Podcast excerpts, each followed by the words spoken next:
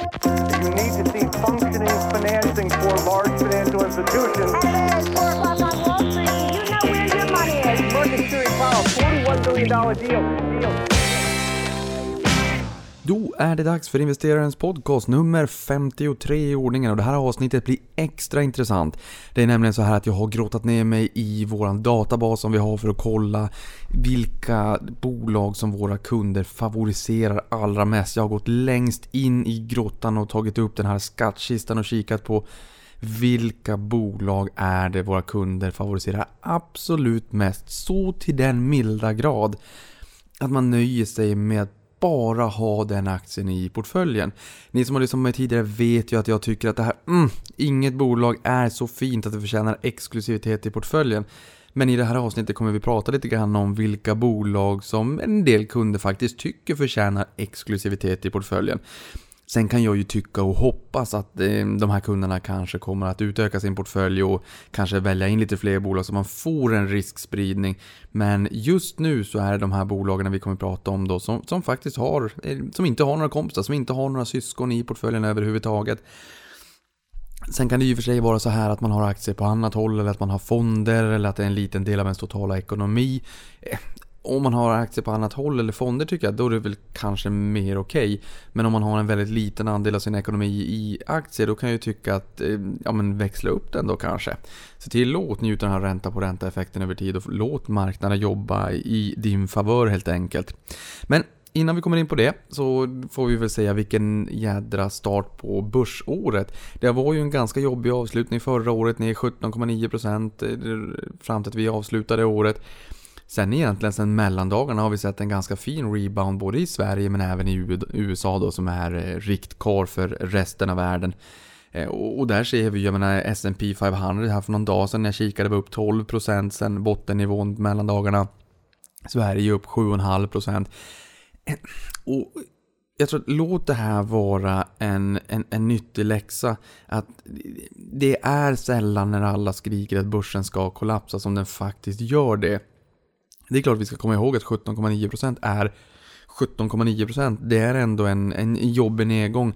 Men som jag har varit in på tidigare så har vi sett en sån här nedgång varenda år sen, ja, åtminstone 2016 med, med undantag för 2017 när det var 8,5% och som var max drawdown under året. Men allt annat lika annars så har vi sett den här typen av rörelse varje år. Och tyvärr så är det faktiskt så att det är många som säljer av efter en sån här nedgång. Kanske inte minst i december när rubrikerna de påverkar ju vårt humör och eh, där stod det att det var sämsta starten på en decembermånad sen depressionen och sämsta sen finanskrisen det här och sämsta sen det där och det var största eh, fallet antal punkter på julafton och sen så var det ju största uppgången någon dag senare och det var väldigt många extremiteter under december kan jag tycka och jag blir nästan lite triggad när det är just så här att sämsta fallet sen dess och sämsta hit och sämsta dit och amerikanska förvaltare står vid sidlinjen och har underviktat aktier och just den här typen av, och, och skillnaden mellan upp och ner revideringar är också den, det bäsigaste sen 1988 för dig som har läst SEBs Nordic Outlook som släpptes i veckan. Och allt det här gör ju att, ja men då är det ju många kanske som redan har sålt av, står lite grann vid sidlinjen och sen ska in när det vänder. I fjol så var nedgången 121 dagar, 96 dagar i snittet om vi tittar historiskt. Det var lite längre än snittet, nedgången var en, strax under procenten högre. Det är klart att det kan fortsätta ner härifrån, men likväl, de som sålde i december och sen så missade uppgången i januari, ja man ligger dubbelt efter. Ehm, sen finns det olika lärare här, men, men ni vet ju att jag är ju snarare time in market eh, istället för market timing och hoppa från tuva till tuva. Och jag tycker att det här är ytterligare en påminnelse om det, hur svårt det faktiskt är. Man trodde jorden skulle gå under i december och sen så har, man, har börsen startat bra i januari och sen så ligger väldigt många efter. Eh, och eh, på Avanza här också så har vi en sparbarometer, en sparindikator som vi nu har gjort tre kvartal i rad. Johanna Kull tar ut den där då. Eh, och där ser vi ju också att det är väldigt många nu som tror att börsen ska gå ner efter att vi har sett stök. Nu tror folk att börsen ska gå ner. Och sen så har eh, den siffran nästan till också halverats när man frågar om, eh, om personerna i fråga då som blir tillfrågade kommer att öka eller minska sitt sparande. Vilket innebär att man tror att börsen ska stiga och man köper när börsen har gått upp. Man tror att börsen ska sjunka och man säljer när börsen har gått ner. Man köper när det är dyrt, man säljer när det är billigt. Förenklat, men du förstår vad jag menar. Eh, man, kan, man tror att man ska öka sitt sparande när börsen stiger och går upp, när det är trevligt i portföljen. Och man vill minska sitt sparande när börsen har fallit. Eh, precis tvärtom. Och jag vill påminna ytterligare en gång, eh, Meda Samant eh, på Fidelity i eh, Hongkong när vi var och besökte henne så sa hon det där att när man gör illa sig, när barn gör illa sig, ja egentligen vem som gör illa sig, eh, då läker det. Får ett litet sår, då läker det, kroppen tar hand om det. När börsen faller ner, då eh, kommer det, börsen kan liksom inte falla till alldeles hur långt ner som helst för till slut så kommer fun, eh, fundamenta plocka upp det. Jag menar det är bara att tänka själv, skulle du kunna plocka upp Avanza till P3? Eller skulle du kunna plocka upp Atlas Copco till P5? Eller skulle du plocka upp vad det än är till P lågt? Under finanskrisen när det bottnade så var det P8 på Stockholmsbörsen. Nu ligger vi på en 13-14 och sånt där. Vi har ju gått upp lite grann i januari och det tycker jag i och för sig är lite segt det är trevligt eh, när det kommer ner lite grann, när man kan plocka på och köpa på sig lite mer. Det, det är jättetrevligt när börsen eh, går upp, när värdet i portföljen stiger och sådär. Eh, och, och, jag tror att alla tycker kanske att det är lite trist när det går ner, men då ska man också tänka på att nu kommer jag faktiskt in lite billigare de här aktierna, vill äga långsiktigt. Och eh, vi ska inte snöa in på det här, men eh, det jag vill säga här är att om du då har en portfölj, då fråga dig själv. Eh, den här portföljen, är den stor eller liten i förhållande till morgondagens portfölj eller nästa årtiondes portfölj?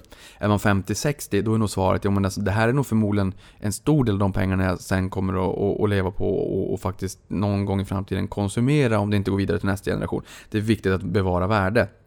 Men är man yngre och man sparar löpande, då kommer portföljen vara större imorgon, nästa vecka, nästa månad, nästa år och nästa årtionde.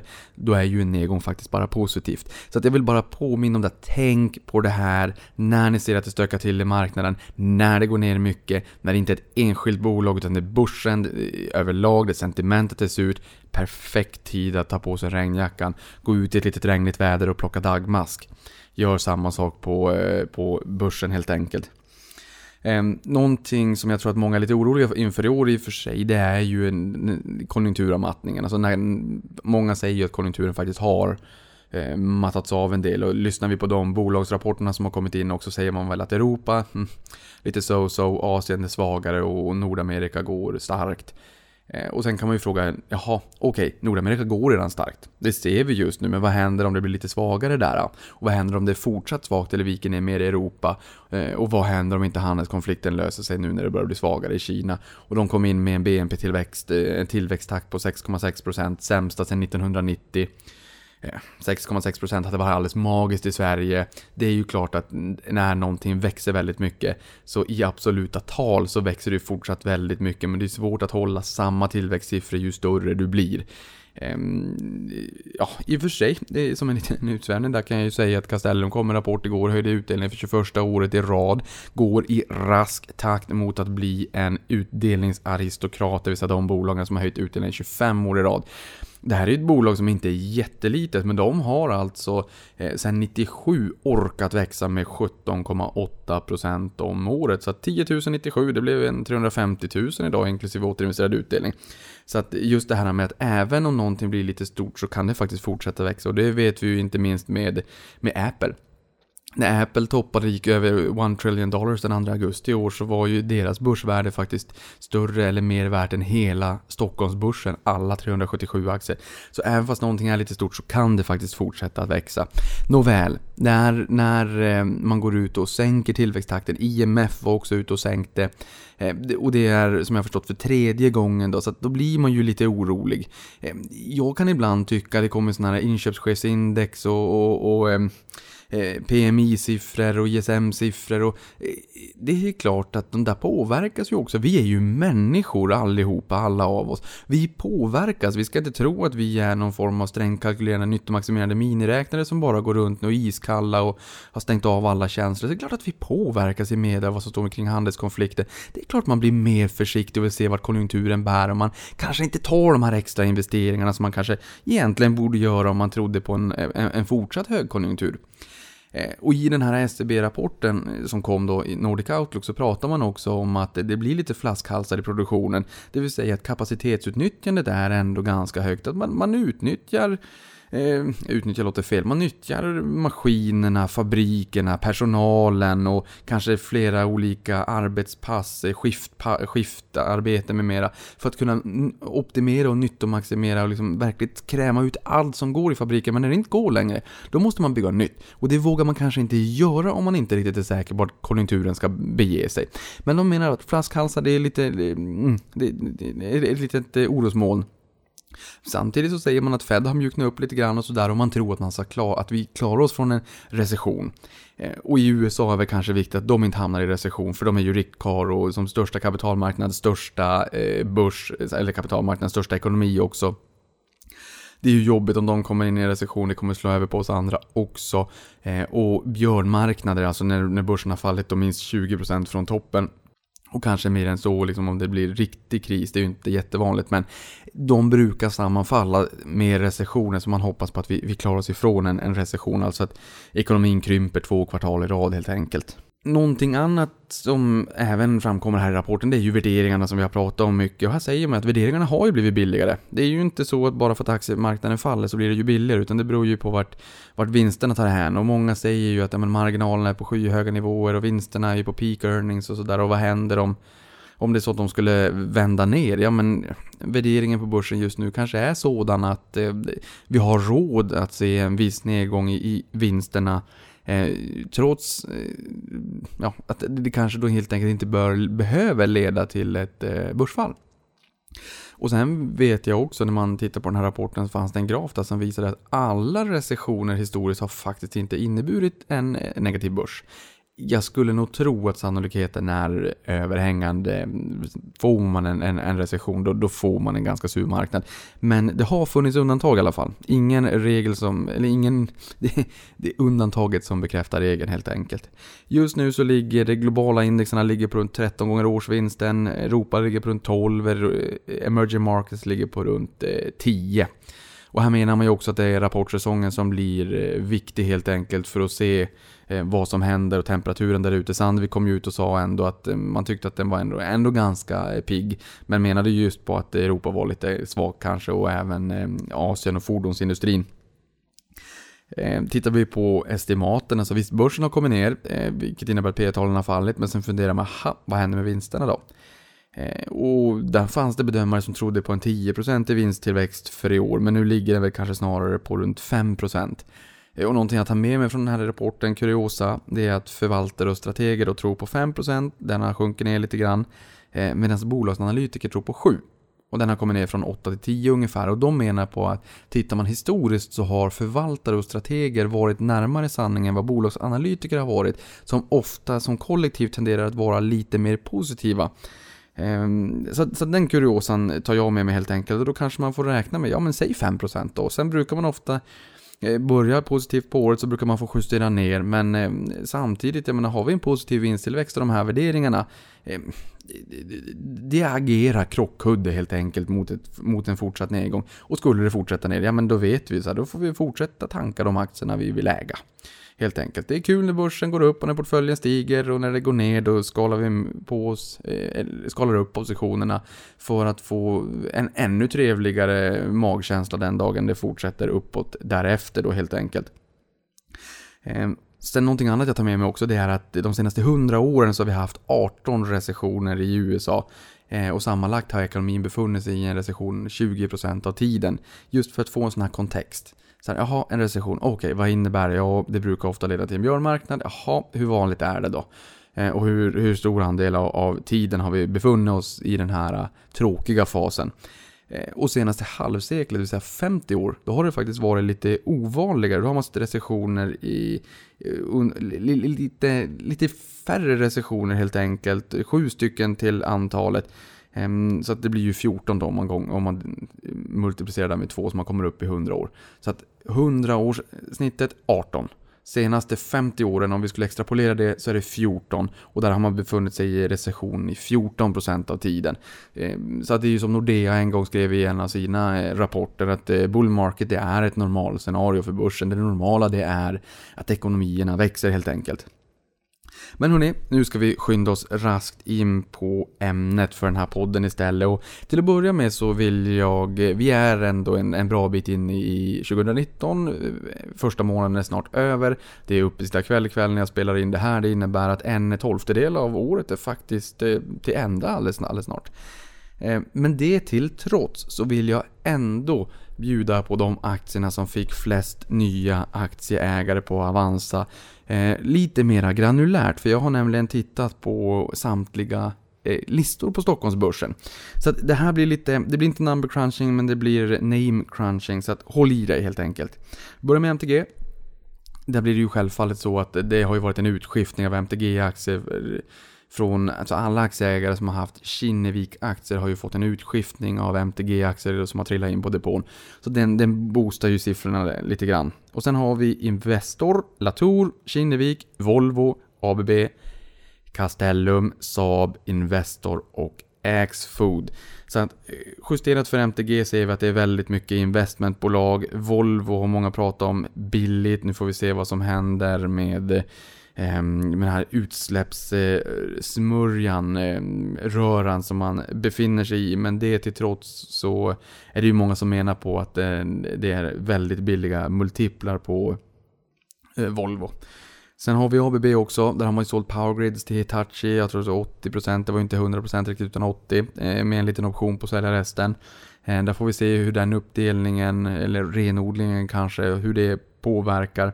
Christer Gardell är ju in där också. Kanske Gardell-effekten att det var många som ville eh, haka på där också i ABB. Castellum eh, kom ju då och höjde utdelningen för 21 året i rad. De höjde med 15%. Saab eh, och sen har vi ju Investor A också, så att vi har ju både Investor A och B på den här listan. Och så Axfood. På midcap däremot, då har vi eh, bottenfiskat lite grann i Clas Olsson B. De har ju haft det lite jobbigt, de har lagt om strategin också. Det är många som funderar på vad som händer när Amazon ger sig in. De startar ett samarbete med Mathem och jag såg att den tror att det var, eh, ta mig nu inte på orden, jag tar inte gift på det här, men jag tror att det var var tionde Eh, matkasse eller beställning då som eh, faktiskt har eh, någonting från Clas Ohlson med sig för att det kom någon nyhet här för en tid sedan. Och det är väl klart att man kanske beställer batterier eller vad det kan tänkas vara. Frågan är om varför inte Mathem skulle kunna ha det själva. Eh, och liksom vad det är för typ av ehm, varor, om det är just batterier och glödlampor, ja, då kanske det finns ett hot att eh, man gör det själv och sen så eh, delar man inte intäkter, alltså vad, vad det nu är för rev, revenue share som man då har med, med Clas Ohlson.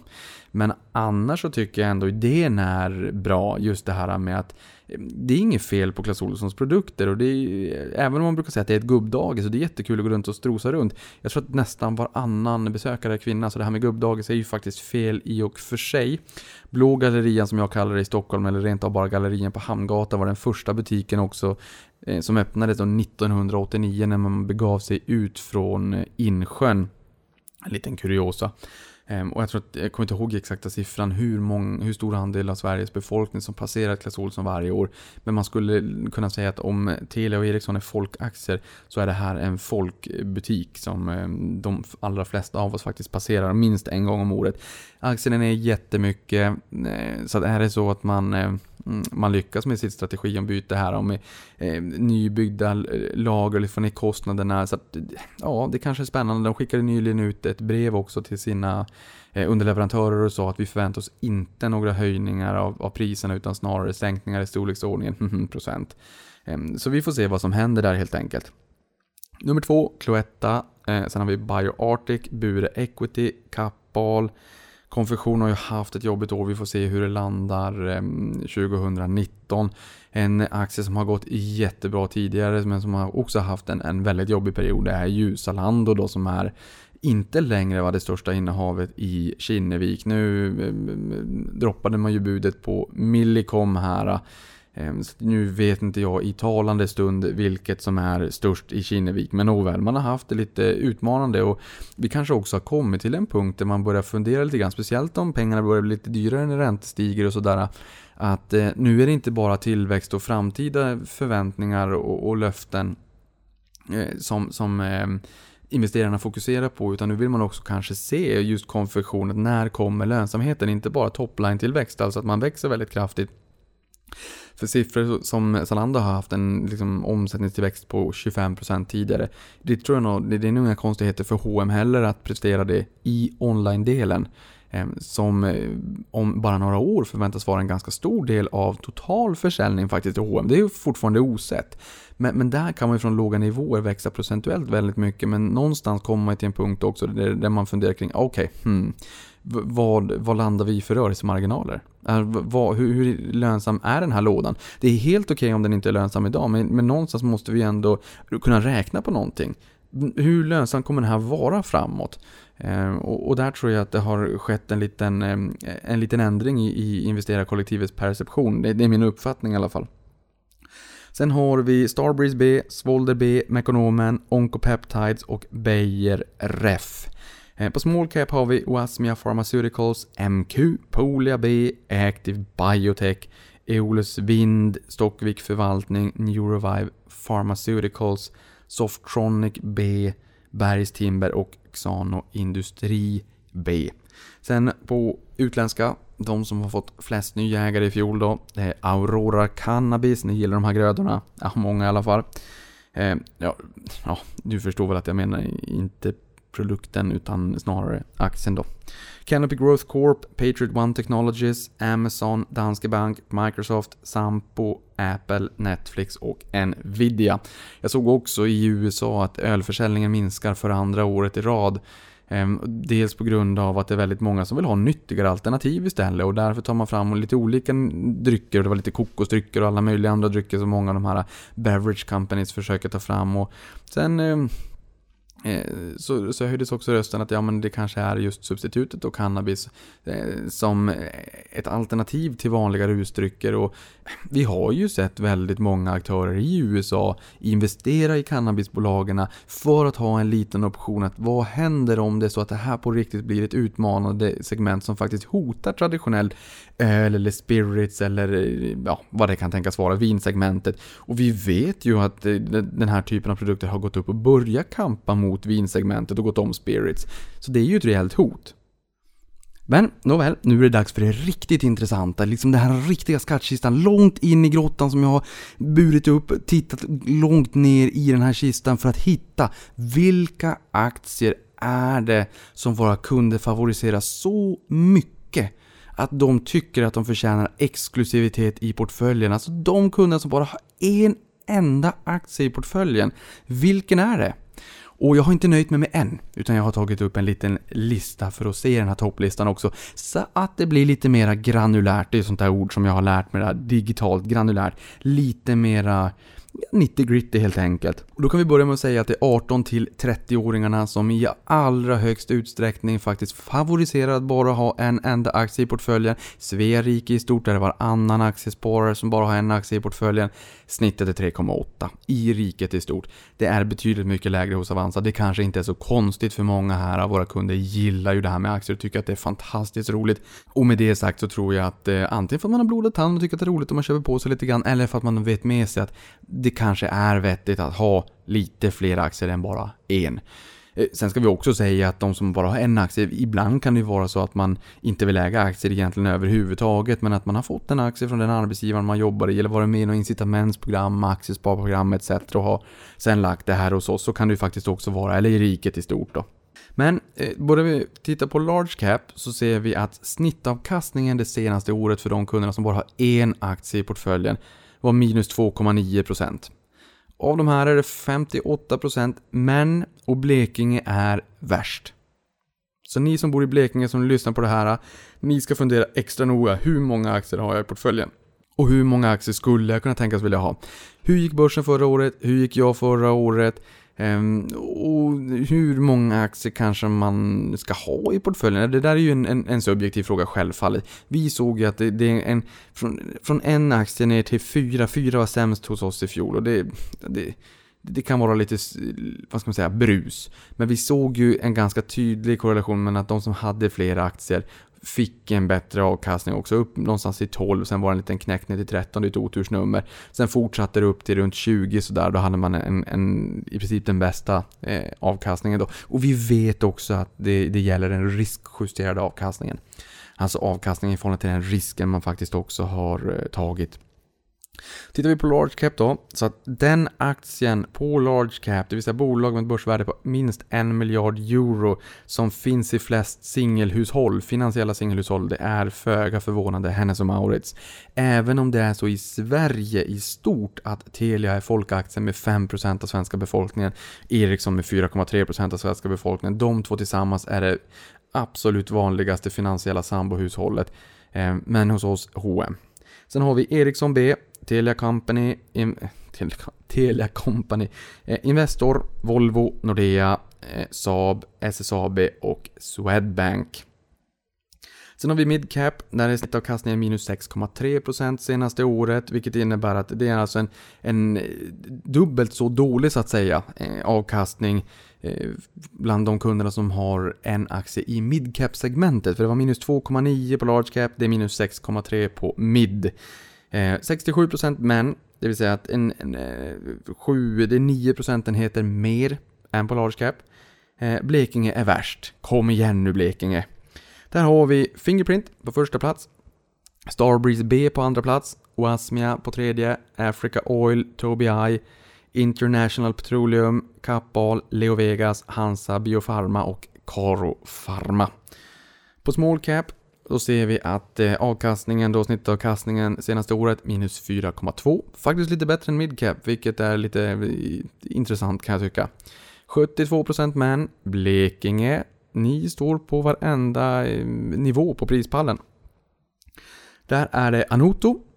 Mm -hmm. Precise Biometrics, Eniro. Eniro var ju den första kursdubblaren i år. Ehm, är inte det längre på hela Stockholmsbörsen då. Det intressanta är ju att eh, omsättningen idag är hälften av vad den var år 2000 när 97% av svenska befolkningen hade ehm, gula sidorna eller liksom telefonkatalogen. Och, och ehm, då börsvärdet idag motsvarar ju eh, fyra månaders resultat då. Så det är lite skillnad, men samtidigt den rör ju på sig en hel del och det är kanske kul också för de som tradar kan jag tänka mig. Det här är ju en ögonblicksbild. Sen har vi Sensus Gatso Group, Neurovio Pharmaceuticals, Stockvik Förvaltning, Active Biotech, Cantargia, Etrion och Immunicum. Sen har vi eh, Spotlight Stock Market, det vill säga gamla aktietorget. Där är det minus 6,8% senaste året och 74% men. och Blekinge är värst återigen. Men i och med att jag säger Blekinge varenda gång så tänker jag då måste vi ha lite mer granulärt även här och det tänker jag bjuda på.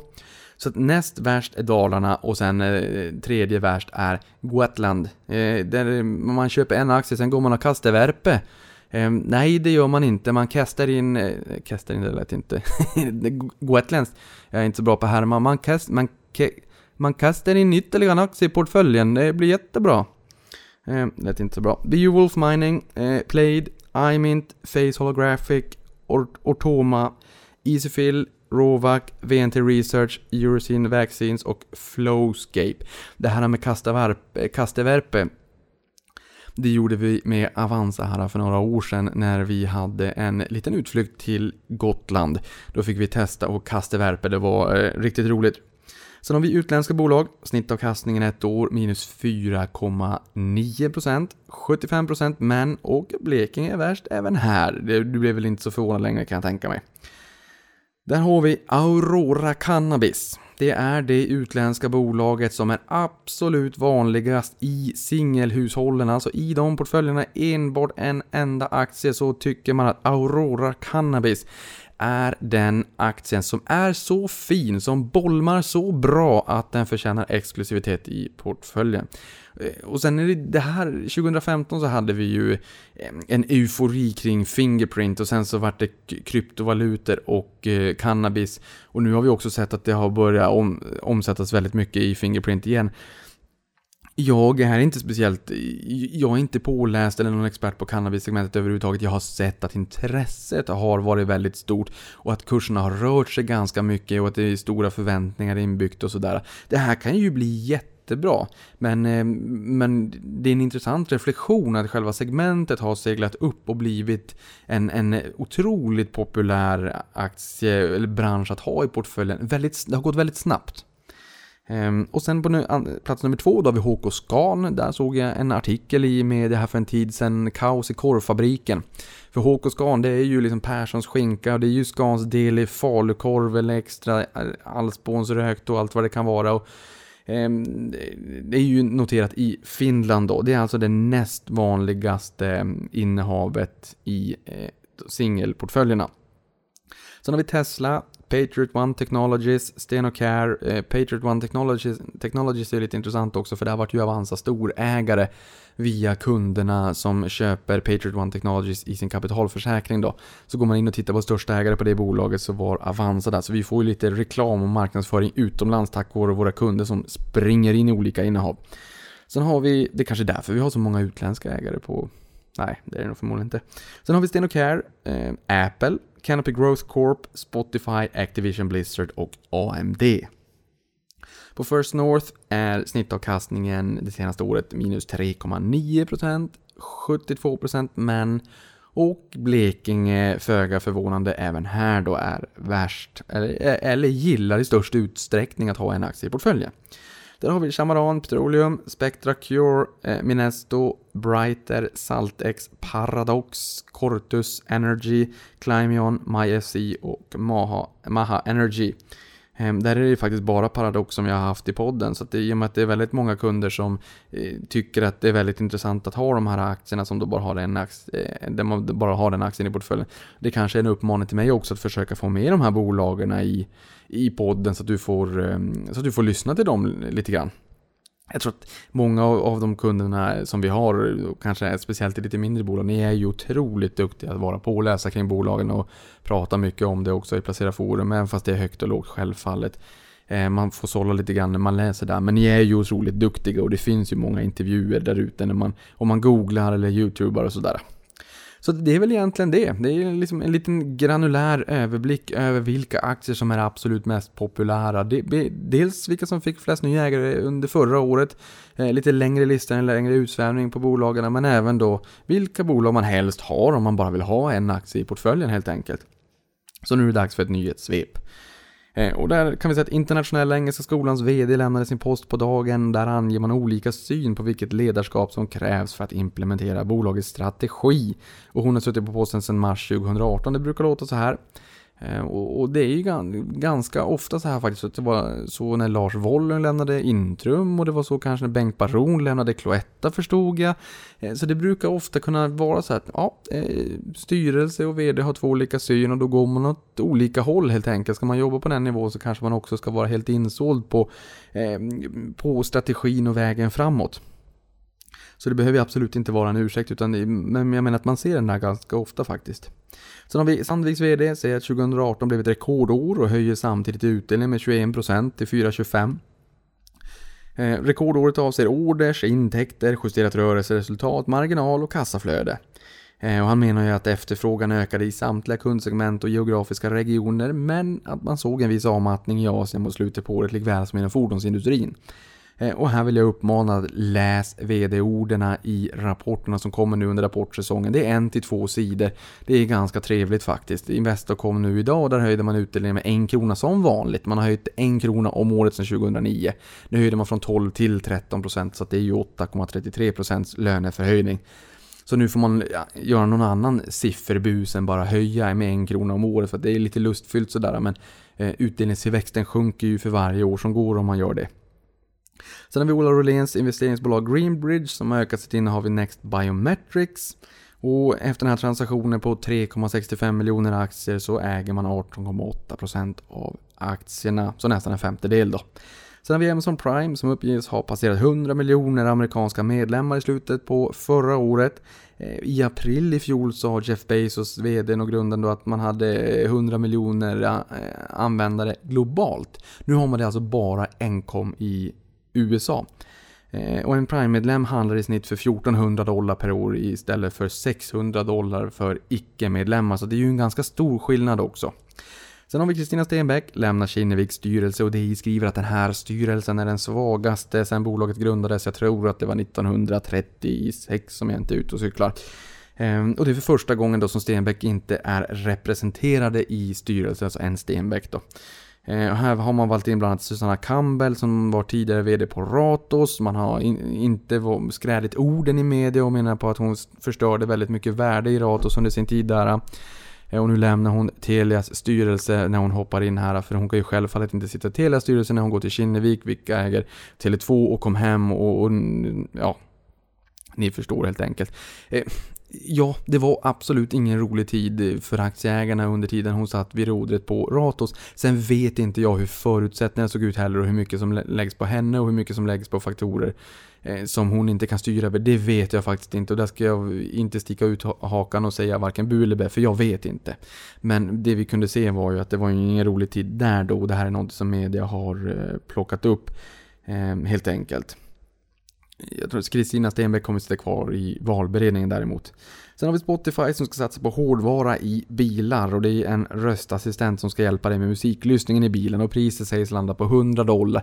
Fundera lite på det där om man behöver en ytterligare hårdvara för har man bluetooth i en nyare bil då är det klart att då kopplar man ju till så som bara via bluetooth och så spelar man Spotify men sen det finns ju många som nya dumb phones och smartphones så finns det ju dumb cars och smart Eh, och, och, den marknaden för gamla, äldre bilar är väl i och för sig stor, så visst, fine, det är klart att det finns en, en marknad för det också. Och jag tror att man pratar lite grann om här att det är konkurrenterna som eh, Google och Apple och Amazon, ja, de har alla sina egna olika varianter för att ge sig in i bilarna och det, det är ett hårt segment att kampa i just nu. De favoriserar ju sina eh, respektive eh, musiktjänster som de alla har. Eh, så det blir kanske lite jobbigt för Spotify, så där vill man slå sig in helt enkelt och, och kampa. Så vi får väl se hur, hur det går med, eh, med den biten. Sen finns både den här podcasten, investerarens podcast och Avanza-podden numera även på Spotify. Sen har vi hörlurs och högtalarbolaget Sound Industries som förbereder en notering och eh, värderingen utanför börsen sägs vara runt 2 miljarder men eh, obekräftade källor säger att man räknar med betydligt högre värdering på börsen. Och parallellt med det här så uppges även Carnegie leta en köpare så att det kanske inte ens blir en notering, det återstår ju helt enkelt att se. Och med de orden så är det slut för den här veckans podcast så att jag säger väl som alltid avkastning på det så hörs vi snart igen.